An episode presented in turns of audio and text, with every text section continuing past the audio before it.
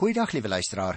Ons het vandag die wonderlike voorreg om voort te gaan met die boek 1 Korintiërs en ek gaan met die 17de versie begin. Die ouens wat gereeld luister, sal onthou dat ons in die vorige program afgesluit het met 'n baie sieldeursoekende vraag toe Paulus geskryf het in 1 Korinte 4 vers 16: "Daarom spoor ek julle aan, volg my voorbeeld."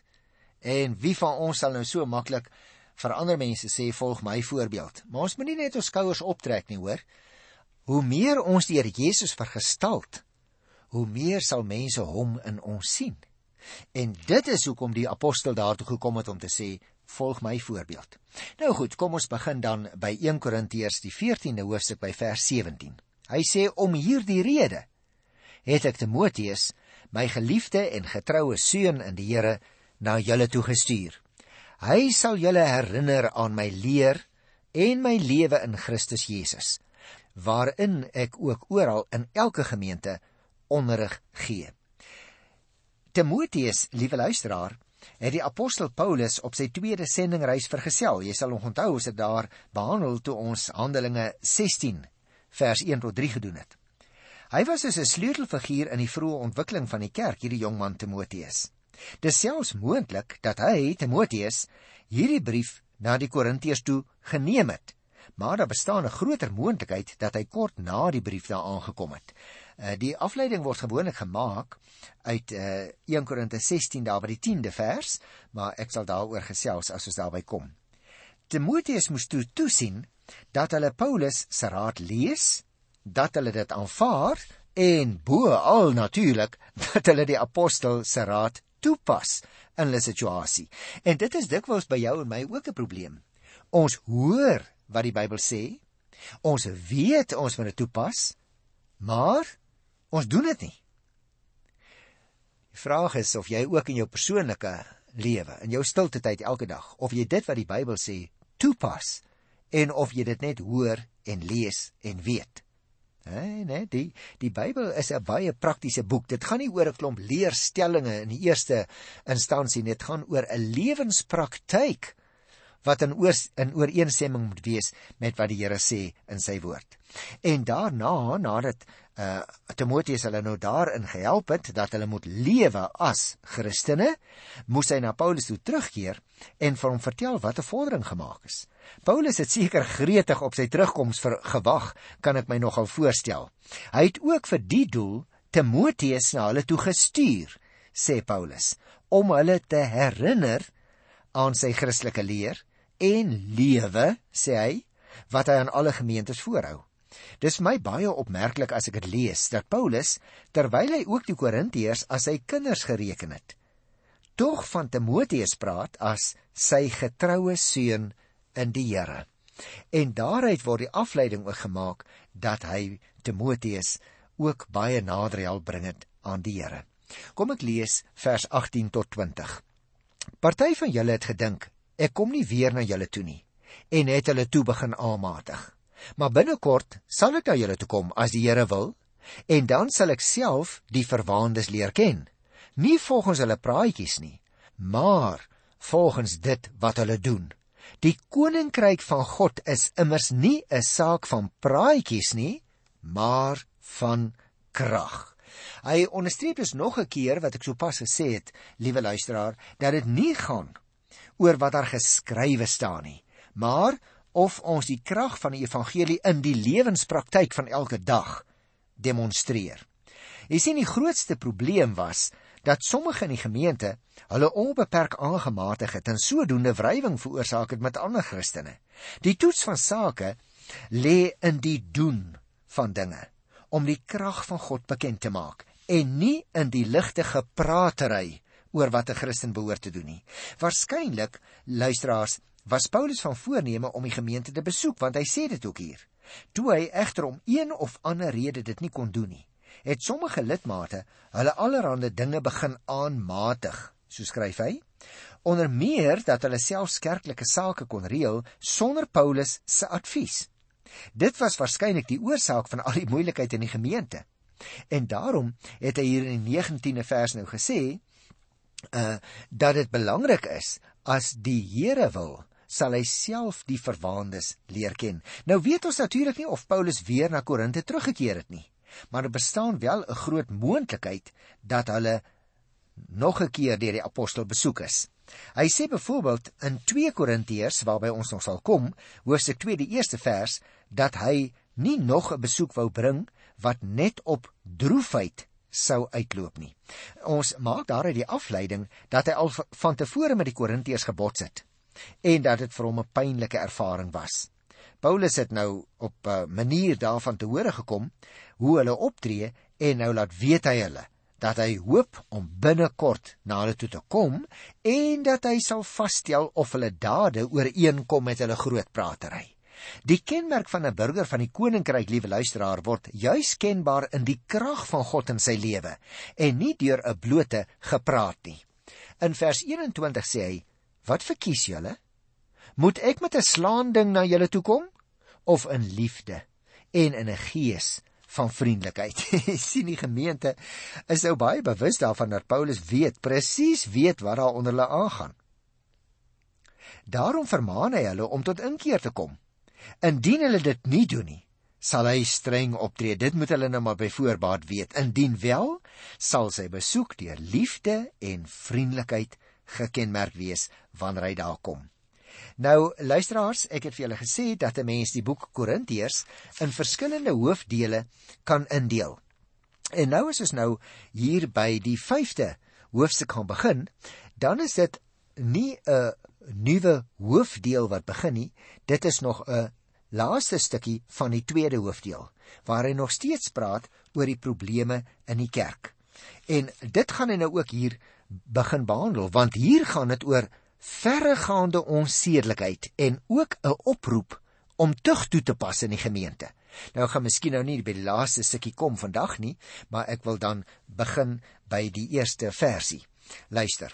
'n Mens hoor werklik, so skryf hy, van onsedelikheid onder julle en dan nogal onsedelikheid van so 'n aard as wat selfs onder die heidene nie voorkom nie, naamlik dat 'n man en sy stiefma as man en vrou saam lewe. Nou natuurlik uit die opmerking wat hy maak in die styl waarin hy skrywe, kom 'n mens dadelik agter Paulus is diep teleurgestel. Hy is onthuts oor die voorval van onsedelikheid wat algemeen bekend was in die gemeente daardie tyd. Dit druis in natuurlik teen God se wet. Luister, jy kan gerus weer gaan kyk in Levitikus 18 vers 8. Nou ek wil nie alles weer aanhaal wat ons behandel het nie, so ek verwys maar net na die teks. Dan sien jy daar duidelik iets in die verband kry Levitikus 18:8. Paulus kan naamlik nie verstaan nie dat die gemeente daarmee saamleef nie en nie in groot mate berou en ook uiteindelik tug toepas nie. Jy sien, deur die gemeente se onbetrokkenheid word die man se onsedelikheid eintlik gesanksioneer. Met ander woorde, as die gemeente dit toelaat dat die man saam met sy stiefma saamleef as man en vrou, dan gee die gemeente by wyse van stilswye as dit ware hulle goedkeuring daaraan. 'n Mens noem dit gewoonlik approbasie. Dis nou 'n moeilike woord. Dat 'n uh, dat 'n vergadering byvoorbeeld approbasie kan verleen bloot deur stil te bly.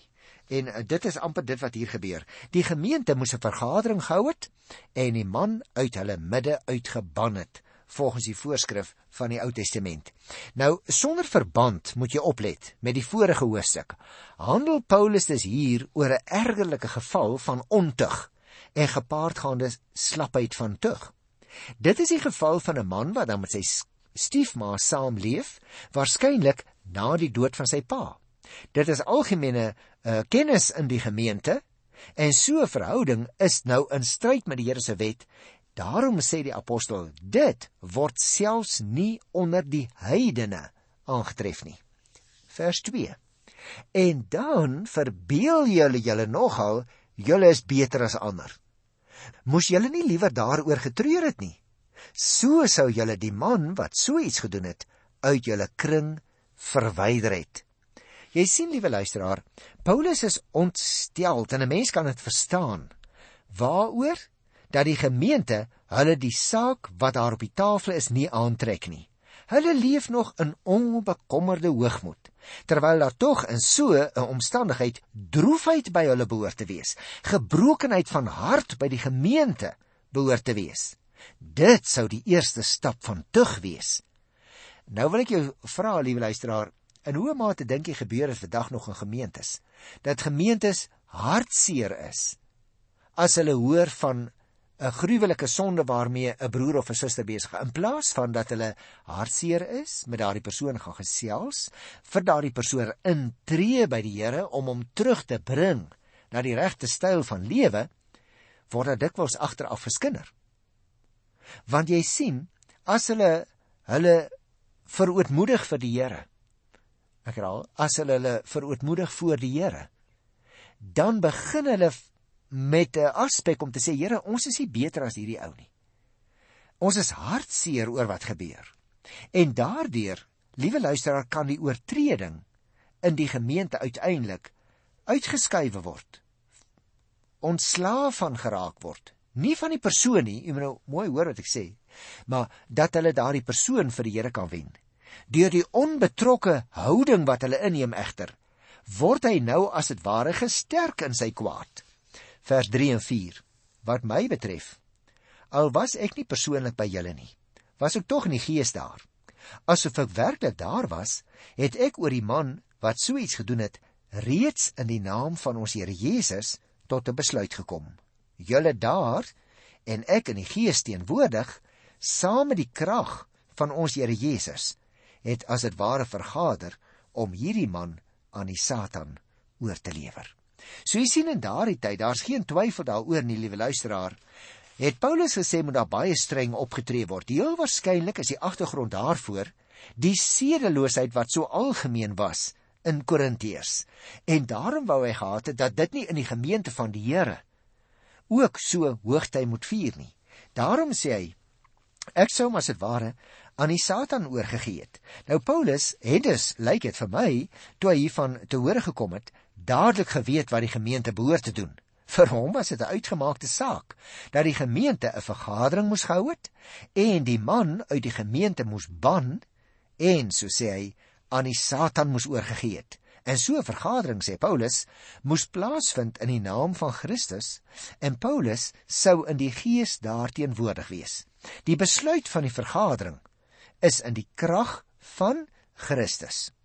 Nou let op na vers So sou sy sondige aard vernietig word, sodat sy gees gered word op die dag wanneer die Here kom.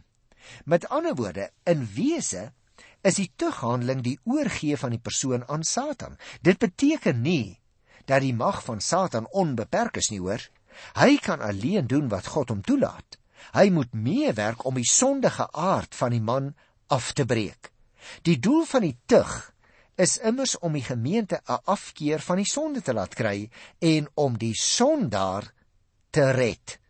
Al sou die vrug van die tug nie in hierdie lewe blyk nie, dan tog wel by die eindoordeel, die dag wanneer die Here kom.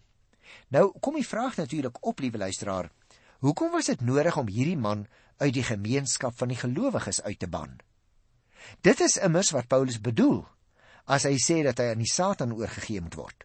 Sonder die ondersteuning van die ander gelowiges sou hy aan sy eie sonde en die Satan oorgelewer wees. En die eensaamheid kon hom dalk tot berou en tot bekering bring. So 'n drastiese stap moet 'n heel laaste uitweg wees in enige kerklike tughandeling en dit mag nooit gedoen word om wraak te neem nie luisteraars, maar moet altyd in 'n gesindheid van liefde gedoen word, net soos 'n liefdevolle ouer wat ook sy kind dissiplineer. Dit is per slot van sake die kerk se taak om die oortreder te help, nie om hom seer te maak nie, want die optrede van die kerk moet hom daartoe bring om berou te kry oor sy sonde en na die gemeenskap van die gelowiges terug te keer. Dit gaan dus hier nie sommer net daaroor dat iemand se muur afgesny word uit die gemeenskap van die gelowiges nie. Hy word as dit ware eenkant geplaas. Dit word vir hom gesê dit kan nie. Hierdie ding waarmee jy besig is kan nie. En dit word op so 'n manier hanteer dat hy moet weet, los dit. jy is welkom in die gemeente. Die man het naamlik in diens gestaan van die Satan en kon dus nie meer deur die gemeente beskerm word nie. Let op die 6de vers. Julle selfverheffing is nie mooi nie. Weet julle nie dat 'n bietjie suurdeeg die hele deeg deurtrek nie? Paulus praat die lidmate dus aan wat hierdie probleem wou ignoreer asof dit nie bestaan nie. Party van hulle het nie besef dat ander lidmate beïnvloed sou word deur die onsedelike gedrag van sommiges nie. Dit werk sê die apostel soos suurdeeg deur na almal in die omgewing.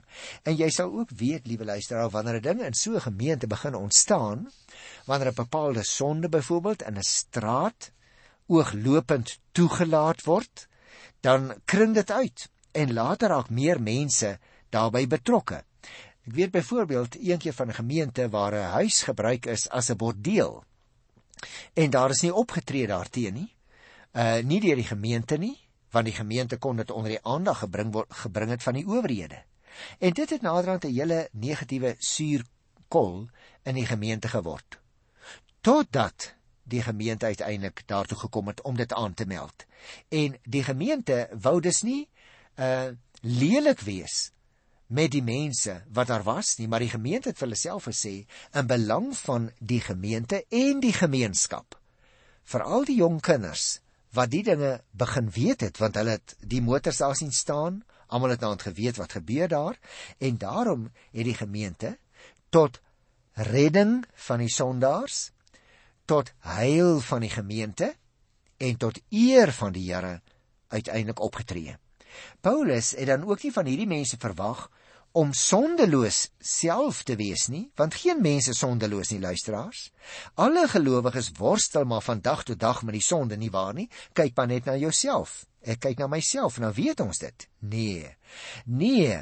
Hy wou hom sterk uitspreek teen almal wat doelbewus sonde doen en dan geen berou daaroor toon nie. En die soort sonde mag nie in die gemeente toegelaat word nie, sê die apostel. Hoekom nie? Omdat dit ander mense beïnvloed. En die gemeente het 'n verantwoordelikheid teenoor al sy lidmate om die waarheid te sê, die gemeente het 'n verantwoordelikheid teenoor die hele gemeenskap waar die Here hom geplaas het. En as hierdie doelbewuste en hierdie onverskillige sonde toegelaat sou word, dan sou die gemeente nog verder verdeeld word. Want sommige sou voel daar moet iets gebeur, ons moet optree en die ander sou skerm. Die apostel sê, ons kan nie net skerm nie, daar moet 'n punt kom dat daar opgetree word. Gelowiges luisteraars moet vir mekaar bid. Ons moet mekaar bemoedig en ons moet mekaar opbou want ons is almal baie feilbaar. Ons bly sondaars, liewe luisteraars, ons is net geredde sondaars. Maar die duiwel kom ook in sy aanslag teen jou en teenoor my soms selfs heftiger as teenoor nie-Christene, omdat hy ons graag tot struikeling wou bring. Maar dit leer ons nou hier uit wat die apostel sê, die Christene moes sterk standpunt inneem teen die sonde as dit die geestelike welsyn van medelidmate begin bedreig. Deur die offer van die Paaslam moet ons onthou, is die gelowiges immers bevry en verlos van die ou suurdeeg van sonde wat deurgewerk het tot almal. En daarom wil ek graag afsluit met vers 7 en vers 8 vir vandag. Luister baie mooi, die apostel gee duidelike riglyne. Hy sê: "Verwyder dan die ou suurdeeg, sodat julle nuwe ongesuurde suurdeeg kan wees." En dit is julle ook werklik. Ons paaslam is immers geslag. Dit is Christus. Laat ons dan fees vier, nie met die ou suurdeeg of met die suurdeeg van onsedelikheid en ander soorte sonde nie, maar met die ongesuurde brood van reinheid en waarheid. So, liewe luisteraar, wat sou mens hiervan sê? Ek dink as ons praat oor hierdie vers 7 en 8, dan is dit belangrik om raak te sien, die gemeente het tot Paulus se teleurstelling vanweë hulle eie hooghartigheid en selfingenomenheid nie gehandel soos wat hy gedink het hulle behoort op te tree nie. Die ongehinderde voortbestaan van die kwaad sal uiteindelik die hele gemeente besmet omdat dit sê die apostel soos 'n negatiewe, soos 'n verkeerde suurdeeg deurwerk. Die beeld van die suurdeeg laat natuurlik uh die apostel die betekenis van die Paasfees in hierdie verband toepas. Jy sien, deur die dood en die opstanding van Christus, want hy is ons Paaslam wat vir ons geslag is nie waar nie. Deur sy opstanding is die gelowiges in beginsel geheilig en bevry van die ou suurdeeg van die sonde. Nou pas dit vir jou en vir my as Christus gelowiges as verlosters om in dankbaarheid te lewe deurdat ons meer en meer die ou suurdeeg uit ons lewens uit suiwer. En daarom wil ek graag 'n opmerkingie maak oor hierdie aspek dan wat in vandag se program op die tafel was naamlik seksuele sedelikheid. Paulus het gehoor dat daardie mense daar in Korinte, sommige onder hulle was wat seksueel onsedelik geleef het en nie ag gegee het op die medegelowiges se vermaaning nie. Die gelowiges was naamlik besig om al meer baie onverskillig te raak oor onsedelikheid.